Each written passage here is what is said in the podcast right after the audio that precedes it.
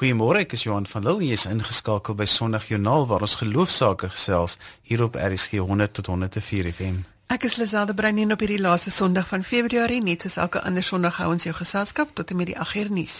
Vir die volgende 45 minute gesels ons met Dominee Ronel Besuidenhout oor die aftel na Opstanding Sondag. Dr Nico de Klerk gesels oor pelgrimsreise en Lazelke by die Joodse tuine skool saam met Rabbi Veldsmann.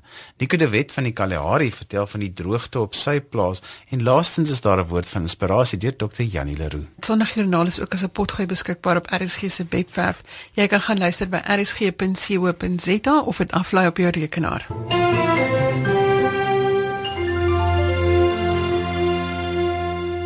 Dominee Renel besluit nou sluit vanoggend per telefoon by ons aan en ons gaan gesels oor 'n pelgrimsreis vir die siel. Goeiemôre Renel. Môre, dit is lekker om met jou te gesels, Lisel. Renel, ons is in lydingstyd. As Woensdag is reeds gevier en ons is op pad om om die 40 dae af te tel. Hoe moet ons oor hierdie reis dink? Weet jy, dit is 'n dis 'n metaforiese reis. In 'n woord, of jy dit nou in hierdie 40 dae doen en of jy dit langer doen, wat van die mense wat sê dat as jy 'n 40 dae periode ehm um, so metaforiese reis of 'n sielsreis onderneem en na die 40 dae het jy nie ehm um, vernuwing of 'n verandering in jouself ontdek nie, dan doen jy dit nog 40 dae. So die getal is nie die beginsel nie. Klassiek word 'n uh, lydingstyd oor 'n 40 dae gebruik.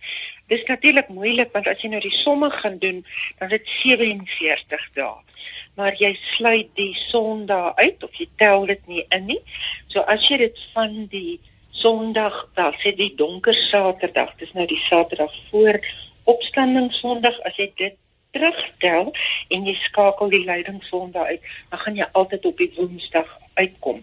En dis dan nou die as Woensdag en ons Christene oor eeue heen, weet jy van die vroeg 4de eeu af, het Christene die lydingstyd as die mees besondere tyd van die kerk se geskiedenis of die kerk se kalenderjaar beskou en daardie riglyne is gegee dat Christene in hierdie spesifieke periode vir 40 dae lank, dis nou maar die metafoor, 40 dae nagte gereën, 40 jaar in die woestyn, Jesus wat 40 dae in die woestyn was om versoek te word.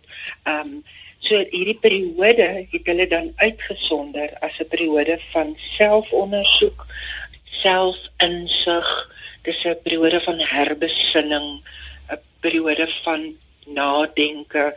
En dit word gewoonlik gebruik met Psalm 51 as die as een van die tekste, daar's 'n klomp verskillende tekste, maar tekste van diep nadenke en selfondersoek en belydenis sodat wanneer Paas Sondag aanbreek die metafoor van nuwe lewe en nuwe begin en nuwe kansse gevier kan word. So moet ons hierdie 40 dae gebruik om miskien weer geloofsgewoontes te hervestig. Ja, weet jy, klassiek het hulle drie gewoontes gebruik. Um, 'n Geloofsgewoonte begin dit eers daar. 'n Geloofsgewoonte is niks anders as 'n doelbewuste besluit of 'n doelbewuste geleentheid wat jy in jou dag inbou waar jy God ontmoet. Nou die rede hoekom jy dit doelbewus doen is God is natuurlik die hele dag by jou, maar dit is nie asof jy dit gewoon, asof jy die hele tyd daaraan dink nie. So jy skep doelbewusse ruimte in jou dag sodat jy bewus kan raak van God. En natuurlik gaan gaan ons as gelowiges sê ons ontmoet God nie net in ons binnekamer nie, maar ook waar ons mense dien, ook waar ons um, voorskote om ons lywe het. So die drie geloofsgewoontes wat hulle gesê het, dis nou van die 4de eeu af wat Christene moet inoefen. Met ander woorde om doelbewus ruimte te maak vir God, is hierdie geloofsgewoonte van vas en ek noem dit bloot 'n uh, 'n lewe van eenvoud om te gee ehm um, so dis almoses te gee en om te bid. En dan is dit oorwegend gebed as voorbidding en ook gebed as skuldbeleidings. So die drie kort woordjies gebid, vas, gee. Dit was die drie beginsels van die geloofsgewoontes wat jy in hierdie 40 dae probeer inoefen sodat dit met ander woorde deel van jou normale ritme kan word. Ronel, jy het ook hierdie reis genoem, die reis van die ashoop na die hoop. Ja, weet jy, ek het op 'n stadium seker so 3 jaar gelede het ek in ons gemeente begin om ehm um, ons het vroeër al het ons begin om 'n 40 dae lydingstyd te ry. Dit is dis maar in al die gemeentes iets wat erns weer wakker geword het, die gewoonte om hierdie periode te vier. Ons het aanvanklik altyd Paasfees gevier tot ons later die groot Heilige Week bygevoeg en die laaste klompie jare het ons in die in die ehm um, geloofstradisies hier in Suid-Afrika het ons begin om die 40 dae saam met die res van die wêreld vier. En vir my was dit die die om uh, as as Woensdag erediens aan te bied as die begin van lydingstyd wat dan klassiek die die die reis van selfontdekking na die Paas Sondag toe vier. Was dit vir my logies die die metafoor die speel met woorde dat dit van as hoop is wanneer jy die as van die vorige jaar se palmtakke op jou voorkop in 'n kruis getrek het en van vanuit die as uit op te staan en die reis na hoop toe te vier wat dan nou die metafoor van lewe of opstanding is. So dit was eintlik maar 'n spel met woorde net om die as Woensdag na Lydingssondag of Opstandingssondag te kan vier. Nou kom ons herhaal net gou weer die drie goed waarin gelowiges op hierdie 40 dae moet fokus. Jy het gesê dis vas? Dis dis drie, dis drie kort woordjies. Dis die die geloofsgewoonte van vas, die geloofsgewoonte van gee en die geloofsgewoonte van bid. Nou bid is soms almal maklik, maar in hierdie geval gaan dit het hulle gesê jy fokus spesifiek op voorbidding en op skuldbelydenis. Met ander woorde ook jou aandeel aan 'n stukkende wêreld en dan om voorbidding te doen vir die stukkende wêreld wat ook moet opstaan uit as na hoop uit. Dan om te gee want enige mens wat by as hoop leef, het het nodig, het hulp nodig. En jy wat wat die lewe ken sal dan ook oormaat wil gee.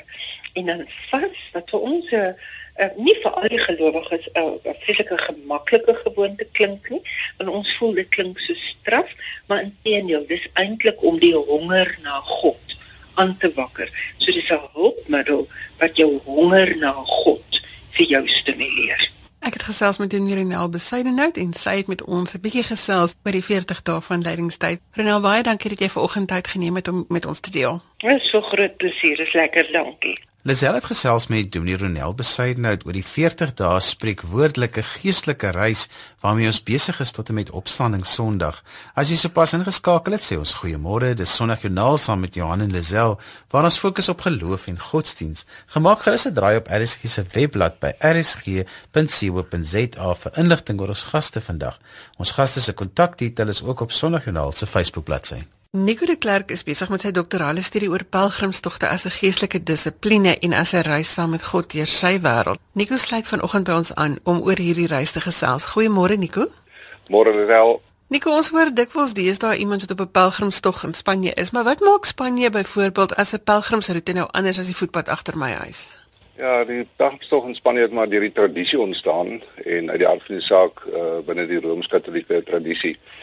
Maar dis 'n baie goeie vraag want uh, vir die gereformeerde gelowige is die voetpad agter jou huis net so belangrik en kan dieselfde doel vervul. Want uh in ons gereformeerde siening is daar nie heiliger plekke of mense as ander nie. Nikus, kom ons begin net by die begin. Wat sou ons sê is 'n geestelike dissipline? Ja, dit is 'n baie belangrike vraag wat elke mens maar vir homself moet definieer. Ek dink dit is baie belangrik, jy weet, 'n geestelike dissipline se ontstaan is wanneer 'n mens op 'n punt kom in jou lewe waar jy miskien in die spieël kyk en sê daar moet iets meer wees in die lewe as waar ek is. Met ander woorde jy wil groei, jy jy voel dit aan. Jy wil iets gaan soek, maar baie keer weet jy nie eens wat dit is nie. En uh ja, jou geestelike lewe is net so belangrik as jou eie persoonsontwikkeling.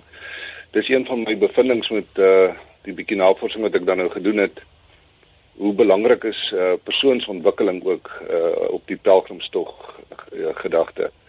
'n Mens het 'n basiese behoefte om geanker te wees vandag en perspektief en insig is baie belangrik in ons verwarrende wêreld. So hoe jy uh, geestelike dissipline self sien is baie belangrik. Mens kan natuurlik gaan na Galasiërs 5 toe die vrug van die Gees, jy weet, vriendelikheid, gasvryheid, uh, bedagsaamheid, geduld en dis meer, maar dis vir my baie wyeer is dit. Ek dink in vandag se tyd is een van die kerngoed uh die uitbou van jou eie identiteit, jou selfwaarde, jou gesondheid op emosionele gebied, uh dis dalk jou fisiese gesondheid of dis nuwe grense wat jy moet trek uit 'n ongesonde verhouding uit met familie, die werk, uh, miskien 'n skelm verhouding, soos byvoorbeeld 'n skelm verhouding wat jou fokus, jou geestelike dissipline gaan dan word getrouheid dat dwing jou terug na dinge toe soos Deuteronomium 8 se eerste verse waar daar gepraat word, jy weet nederigheid, gehoorsaamheid, getrouheid. So geestelike dissipline is jou eie persoonlike behoefte. Dit is my siening daarvan wat dit jou fokus kan word en waar 'n pelgrimstog dan 'n instrument is om hierdie fokus van jou te verhoog, te vermeerder, te sensitief te maak en daarin te groei. So dit beteken jy kan 'n sekere ingesteldheid of 'n behoefte hê as jy hierdie pelgrimstog aanpak. Absoluut. Ek dink 'n mens word gereed daarvoor. Baie van die ouens wat weet uh, onderhoude gevoer het, sal praat van jy weet hulle het hiervan gehoor dat dit bly vassteek, dat dit hulle geïnteresseer. Dit is dis is iets wat bly vassteek en dan bly dit groei in jou en dan word jou tyd ryp. Ek meen Prediker 3, né? Daar's 'n tyd vir alles. Jou tyd word ryp vir hierdie tipe van ding in jou lewe. En dan is dit natuurlik verstommend hoe 'n klomp dinge saamwerk, jou jou vakansietyd, jou gesin wat verstaan, jou jou finansies wat dit moontlik maak. Dit, dit voel vir my soos 'n goddelike proses wat op jou einde bestuur word dat elke mens met daai wonderlike vensterperiode in sy lewe uitkom vir 'n ritueel soos die pelgrimstog. Dit uh, baie ouens kom aan terug en praat hulle van dit het 'n metafoor geword vir my lewe. Uh, een teoloog praat daarvan dat hy sê, ehm, um, eers stap jy die pelgrimstog, sê begin en jy stap dit. En later dan stap die pelgrimstog jou. Dit daai vormende effek wat dit op mense se lewens het. 'n nou, Belangrike ding is ook dat 'n mens op hierdie pelgrimstog vir jou moet oop maak vir kontak met ander mense. Want jy kom tog baie pelgrims te. Dit is 'n belangrike konsep hierdie. Uh, Niels Jackson praat van die vriendelike vreemdeling oor jou pad in in in die, in die Engelse taal praat hulle van spiritual friendship. Uh en een en elke pelgrim getuig daarvan hoe dat dit die onmoontlikste ding is wat gebeur van mense wat oor jou pad kom. En dan is of jy daar vir hulle om met iets te help of hulle is daar vir jou om op 'n kritieke oomblik te help. En dan raak dit naderhand vir 'n pelgrim baie sensitief oor hoe hierdie mense wanneer hulle verskyn. Jy weet uh, dit is dis wanneer uh, jy in 'n spasie in beweeg waar jy vir God geleentheid gee vir inspraak in jou lewe, dan kan jy die buitengewone verwag. En ek dink dit is wat gebeur met iemand wat tyd op sy sit met al die opofferings wat daarmee gepaard gaan vir 'n pelgrimstog. Jy skep 'n baie ek wil nou nie sê heilig nie want dan klink dit eh, nou dalk vir maar dit dit is 'n spesiale spasie en 'n tyd wat jy skep in jou lewe, dis uniek. En as ek nou dink aan die Here se beloftes in die woord dan dan sê dit jy sal nooit teleurgestel staan nie en dis wat jy hoor by elke pelgrim wat terugkom. Dis wonderlike belewennisse, dis geestelike belewennisse. Party van hulle kan eers praat daaroor nie, hulle wil net stil bly daaroor. Dis baie spesiaal en dit is ek dink in vandag se tyd in ons geloofslewens is dit vir my een van die wonderlikste verskynsels, hierdie vasberadenheid, hierdie gedetermineerdheid, hierdie opofferings wat gemaak word om op so iets te gaan. Nico, wat is die geskiedenis van die pelgrimstog? Dis 'n tradisie wat ontstaan het by gelowiges. As jy nou maar indink in die eerste eeu na die apostels nou weet begin uitsterf het, dan is dit nou op hoor sê dit nou maar uit die aard van saak gegaan en dan mense begin stap na hierdie plekke toe, soos nou Santiago in Spanje. Daar's ander plekke ook. En jy weet om om in aanraking op op op 'n plek te kom waar hierdie iets spesiaals gebeur het. Dis maar soos wat ons nou Jerusalem toe sal gaan, Golgotha toe sal gaan en jy kan vir een en elke gereformeerde Christen vra die geestelike belewenis wat 'n mens het. En dit is maar, jy weet daar's ek dink Jerusalem, Israel is is is 'n as dit nie die grootste uh, pelgrimstog destinasie is, maar ons sit met oor die 300 daarvan oor al die kontinente in die wêreld uh, wat uit tradisie uit ontstaan het. So dis maar iets wat net ontstaan het uit die uit die konteks van die tyd uit. Dan het dit, jy weet, as gevolg van die kom ons sê politieke situasies of sosiale omstandighede dan het die belangstelling bietjie afgegaan en dan het daar weer tye gekom waar die belangstelling opgegaan het. In die 4de eeu het 'n vrou haar naam was Eugenia van Spanje af vertrek en sy het geloop Jerusalem toe. Nou kan jy dink in 4 eeu 'n vrou alleen, sy was 'n non en en sy loop hierdie pad. Jy weet, as jy nou maar dink aan hoeveel kitskosplekke en wat ook al beskikbaar was langs die pad, sy het ongelooflike ontberings gehad.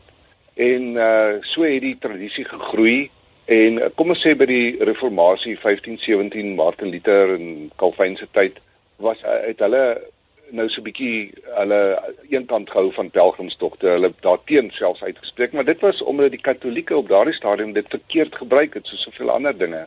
So wat belangrik is vir die gereformeerde gelowiges is om te weet Luther en Calvin was nie daarteen nie. Die gereformeerde leer is nie teen pelgrimstogte nie op geen teologiese gebied nie, maar wel kan dit verkeerd gebruik word met allerlei bygelowe en smeer en dit kan vandag nog gebeur. Nou as jy nou vat na die meer moderne geskiedenis toe, dan kan jy nou dink hoe die belangstelling in die huidige tyd het ontplof hier van die 80er jare af maar net in Suid-Afrika net binne ons gereformeerde teologie kerke kan jy praat van uh 5 6 jaar terug was die gemiddelde getal van ons gereformeerde Christene wat gegaan het uh, Spanje toe 100 dit het opgeskiet na 1000 plus dis waarskynlik hierdie jaar hier na 1500 toe uit uit Suid-Afrika uit. So dit is 'n gewellige toename, 'n groot verskynsel wat ons baie ernstig na moet kyk in die Gereformeerde Kerke en voorsiening moet maak vir hierdie nuwe ontwikkeling, hierdie nuwe verskynsel en ontwikkeling van geloof. Nico, dit vir my asof mense se behoefte net soveel groter is om wel hierdie stilte te gaan soek. As jy in een sin vir my kan saamvat, wat is die metafoor wat ons die pelgrimstog op ons lewe kan toepas?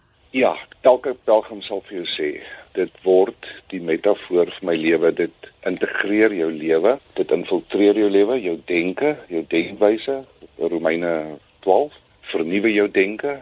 Ehm uh, dit is dit dit word net jou manier van kyk na die lewe. Dit is wat die belewenis van 'n pelgrimstog in 'n mens se lewe indra. Ons het gesels met Nico de Klerk. Hy het vir ons 'n bietjie inligting gegee oor pelgrimstogte as 'n geestelike dissipline. Dankie Nico dat jy vanoggend bietjie vir ons ontsluit het. Baie dankie, net 'n voorreg.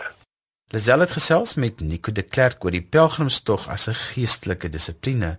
Ons kyk gou vinnig na 'n dagboek inskrywing. 'n Wêreldbiddag vir vroue funksie word gehou by die Randfontein skou met Elise Parker as spreker op die 4de Maart.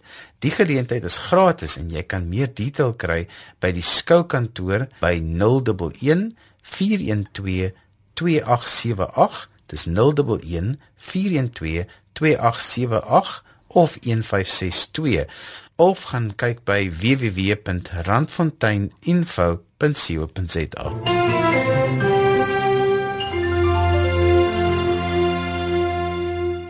Nico de Wet boer in die Kalahari en hy gesels vanoggend met ons oor die boerdery en die implikasies van die droogte vir hulle. Goeiemôre Nico.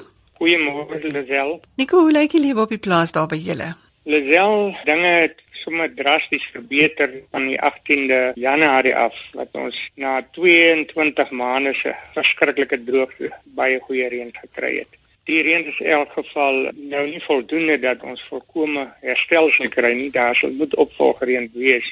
En uh, soos jy weet is die El Niño verskynsel nog by ons en ons hoop maar ons kry nie teenstaande dit nog reën maar ons het deur 'n geweldige moeilike tyd gegaan. Nico, jy noem nou van die El Niño. Jy was in Australië en jy het so 'n bietjie hierdie verskynsel bestudeer.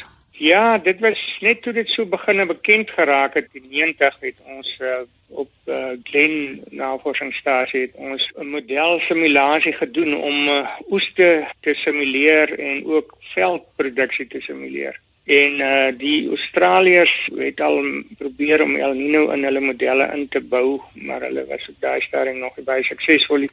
Tevens ons was op daai stadium voor hulle en hulle toe hier by ons kom kyk, jy weet uh, hoe ons dit doen. Maar sedertdien het uh, baie van die mense nou maar die uh departement verlaat en, en ander beter wyfvelde gaan soek en die hele poging het eintlik gestop. Siniku, vertel vir ons wat is die impak van die droogte op julle plaas? Waarmee boer julle? Ons boer hoofsaaklik met skaap. Ons het ook 'n bietjie bees en ons uh, het ook 'n bietjie biltongjag. Dit was eh, 'n uh, ingrypende droogte. Ek kom al baie jare in in was eers landbouvoorligter hier op Cordonia waar ons vir 8 jaar periode droogte gehad het hier in die 80er jare, maar jy daarom so af en toe 'n bietjie reën gekry, maar hierdie hierdie relatief kort 22 maande het daar geen effektiewe reën geval nie. Geen geen En die impak daarvan was geweldig. Aangesien ek nou redelik 'n uh, bewaringsman is, was dit vir my 'n geweldige seer kry om te sien hoe die veld agteruit gaan hoe hy eintlik, jy weet, amper na woestyn toe gaan, hoe hy gesandblaas word waar hy kaal dele kry. En natuurlik jou diere ook. Ek het ehm um, wel ek het 50% van my diere oor. En ehm um, so dit gaan nou 'n geweldige kudde opbou proses wees hoewel ek nou besluit het kyk dis nou die een ding wat ek wil doen en dit is om my veld weer in 'n goeie toestand te kry so ek gaan dit maar stelselmatig doen. Nico, nou is dit so dat jou gees word ook nou gekonfronteer met al hierdie dinge. Wat gebeur in jou hart en in jou kop en met jou geloof wanneer jy al hierdie goed moet deurgaan? Al daai seer uh, van die veld en die diere, die kom pak maar by jou op, jy weet. As jy so met die brei en hoe diere optel. Ek het eintlik later aan 'n uh, aasvoël restaurant begin waar 'n groot trop aasvoëls gekom vreet het. En dit uh, jy weet dis maar 'n taai storie. En um, jy weet as jy ou nie jou geloof het en jou ondersteuningsbasis ek ek kan maar net noem dat hierdie droogte uh, nou baie regverdige droogte gewees het want almal het droogte gehad. En jy weet jou buurman en jou medeboer uh, kry maar net so swaar soos jy. So dis eintlik 'n soort van 'n ondersteuning sonder woorde, maar dit help baie. En jy word baie deur jou vrou ge, geondersteun. My vrou het my baie geondersteun. En jy lees Bybel as jy nog nooit gelees het nie. Dit verdiep jou geestelike verhouding, jy weet, met jou Skepper geweldig. En jy probeer verklaringe vind want dit, jy weet, is dan nou net nie reg nie, maar maar daar's niks aan te doen nie. En eh, maar ons is daar deur. Jy weet ons is daar deur, maar so amper uh, wanneer jy missie jou verneek jy, jy so half vertrou nie die besigheid heeltemal. maar jy gaan maar weer aan. Jy weet, uh, maar jy definitief. Ek sê amper soos die veld gaan lank vat, so gaan jy ook maar lank vat. Nico, as jy nou kan vra, Byvoorbeeld, behalwe nou finansiële hulp, watse hulp het boere nog nodig? Watse ondersteuning het hulle nog nodig om hierdie droogte deur te sien? Kom ons hoop net maar hy, jy weet, hy begin 'n reëndarm een of ander tyd, maar uh, ons sal daarmee met hierdie goeie reën wat ons nou gekry het, sal ons daarmee gaan tot uh, voor die winter, maar ons sal definitief voor die winter weer met uh, reën kry. Maar uh jy weet ons ondersteun maar mekaar. Daar is mos soos dit vir my lyk nie meer enige uh, simpatie dat ou van owerheid gehelp sal word nie. En ek kan maar net noem dat dat besproeiingsboere het het in drie gevalle vir my voer geskenk, jy weet so jy dit is ook dit is ook verskriklik goed vir jou siege as jy sien dat dat mense weet van jou en mense bel jou en alles. Ek kan net vir jou sê daai oggend toe dit begin reën het ek en my vrou gehuil is nog nooit, jy weet by 'n begrafnis nie. So dit is 'n soort van 'n ontlading wat jy op daai stadium ervaar met verskriklike emosionele uh, prosesse.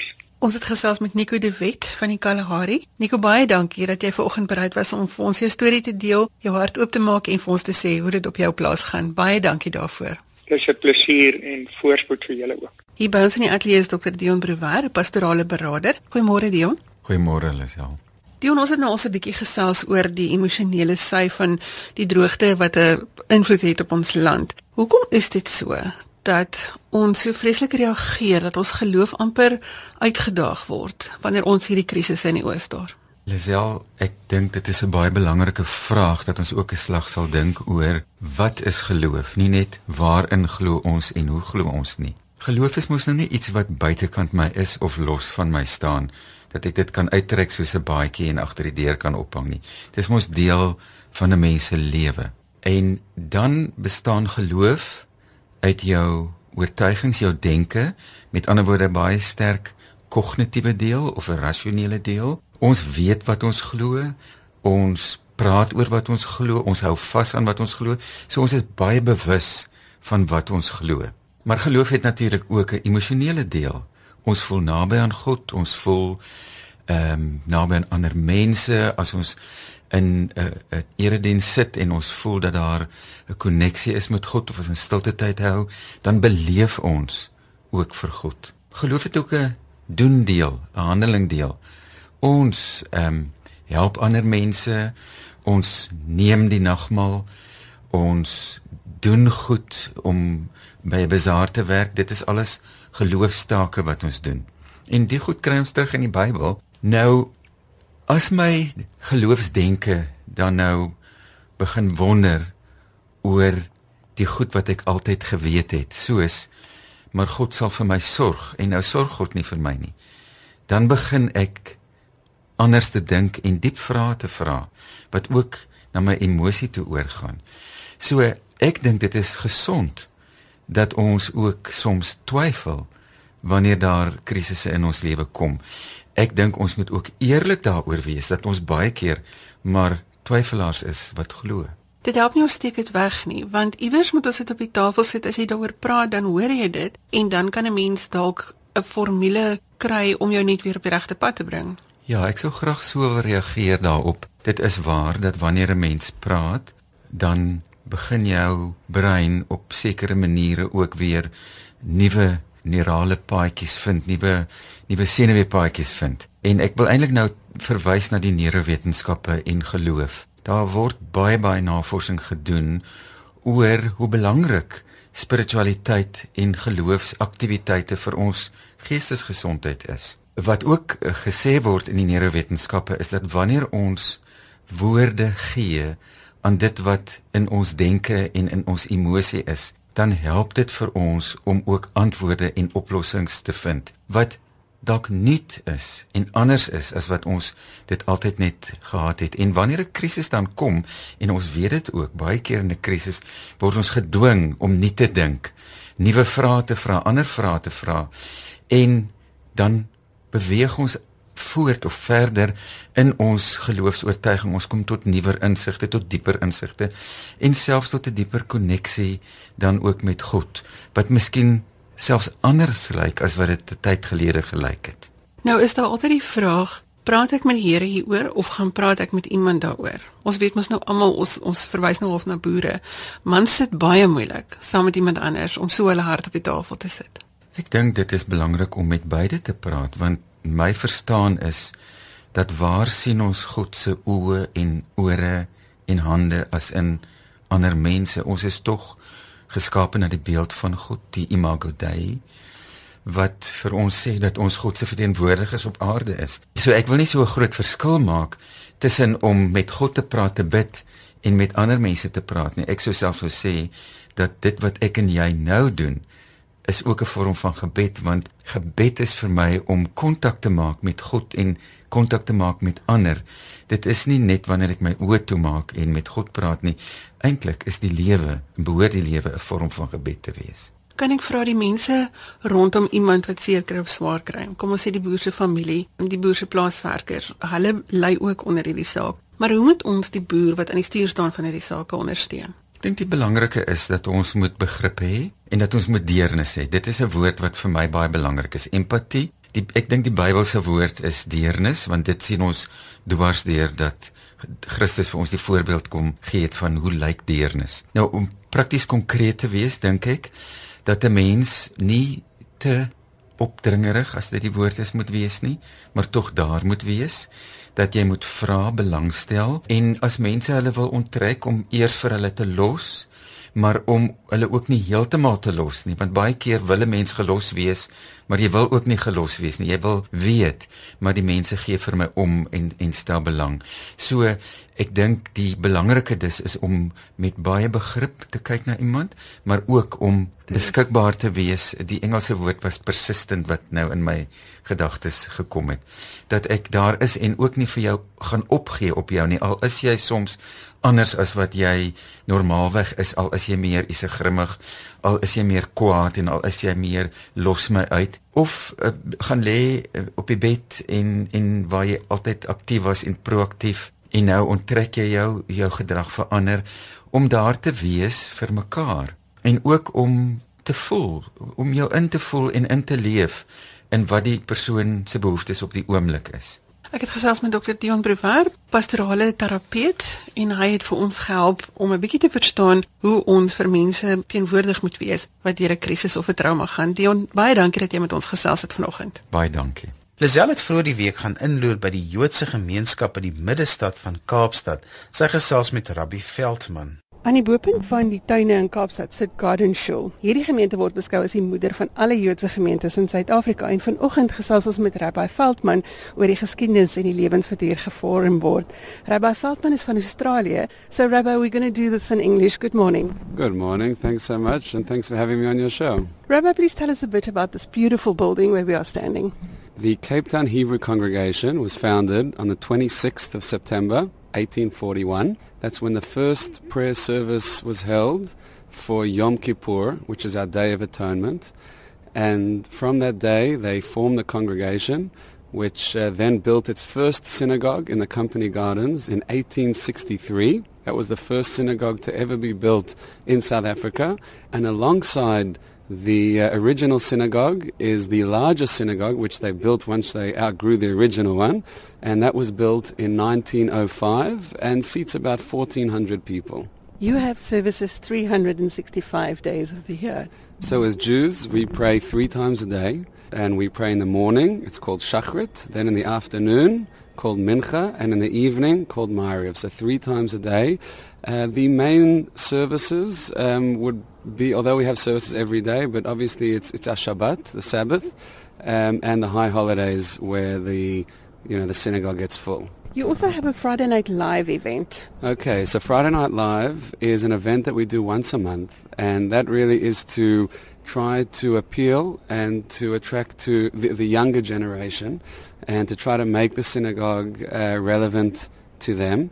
Um, it's also for uh, traditional Jews who perhaps are not such regular synagogue goers to try to encourage them to take that one extra step in their observance and instead of, let's say, coming just on the high holidays, to make that extra effort of coming once a month. And thank God um, it's, it's been really amazing. And we have hundreds of people that come once a month on a Friday Night Live for an incredible, uplifting spiritual experience and just being together as a community. It's wonderful. What does the modern day Jewish community look like?